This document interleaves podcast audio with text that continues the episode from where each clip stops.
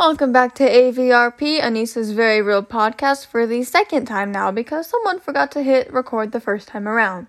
Today we'll be discussing all things going on within the walls of Elsinore. We'll be getting into the subject of why Hamlet has gone completely insane, why his mother has invited his friends over, why Polonius feels a wave of guilt, and so much more. But first, here's a few words from our sponsors.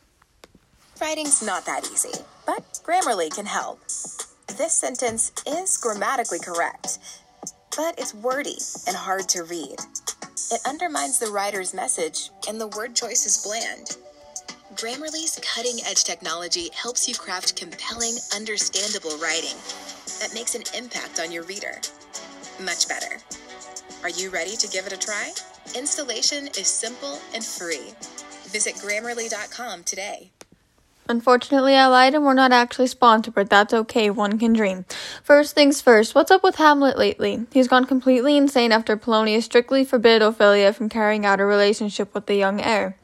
Ophelia is unsure as to whether or not Hamlet is truly in love with her, and in return, her father asks her to completely cut ties with Hamlet. The situation escalated rather quick as shortly after Hamlet began acting mad. But was that really because of the unfortunate event with Ophelia, or something else going on? I would advise Hamlet to speak to his father. Unfortunately, he is unable to do so because dear old daddy is dead. I mean, he could always turn to his mom instead, right? Except he's unable to do that too, since she's too busy trying to find reassurance in her newly found husband, the ex king's brother, because that's completely normal.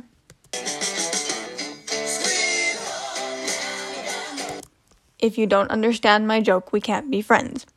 Unfortunately for Hamlet, the queen is so sidetracked by her newfound love that she's completely oblivious to the fact that Hamlet is slowly slipping away into insanity. Polonius is quick to take the blame for Hamlet's insanity as he feels pulling Ophelia away is exactly what caused this, though we later on learn that Hamlet is acting out of order to get attention from his mother. We finally come to the conclusion when Hamlet expresses his feelings to two old friends who came down for a visit. Actually, that's not entirely true either. We later learn that the queen has spoken to his friends and asked them to come down to see if they can find out what Hamlet's problem is. Poor guy. Anyways, I think that's all for today. Make sure to tune in next time.